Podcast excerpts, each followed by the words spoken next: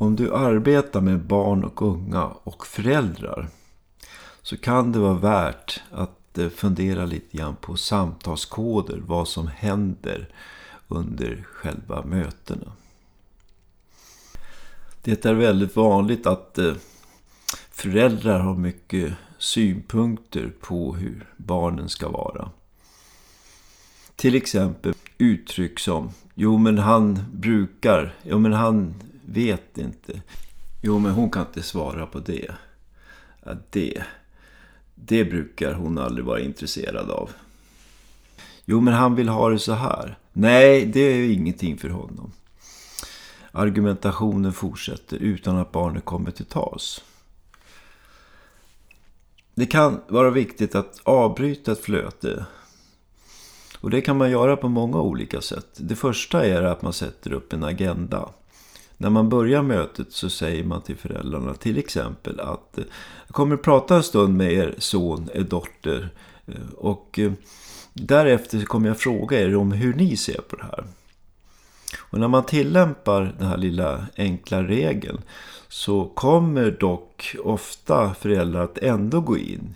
Jo, men han menar så här. Jo, men det är inte så.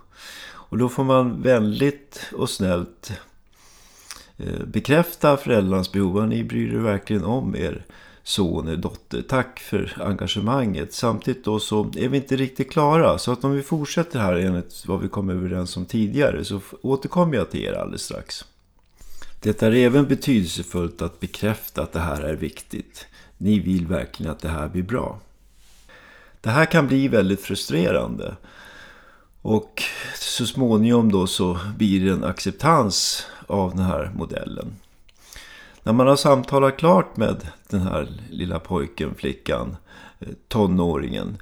Så säger man, frågar man helt enkelt föräldrarna om, ja vad säger de om det här, allt det här? Ofta får man då till svar. Ja men det hade jag ingen aning om. Nej precis.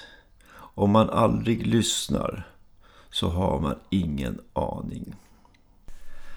En vanlig synpunkt kan vara att jag lyssnar på dig för att kunna besvara dig.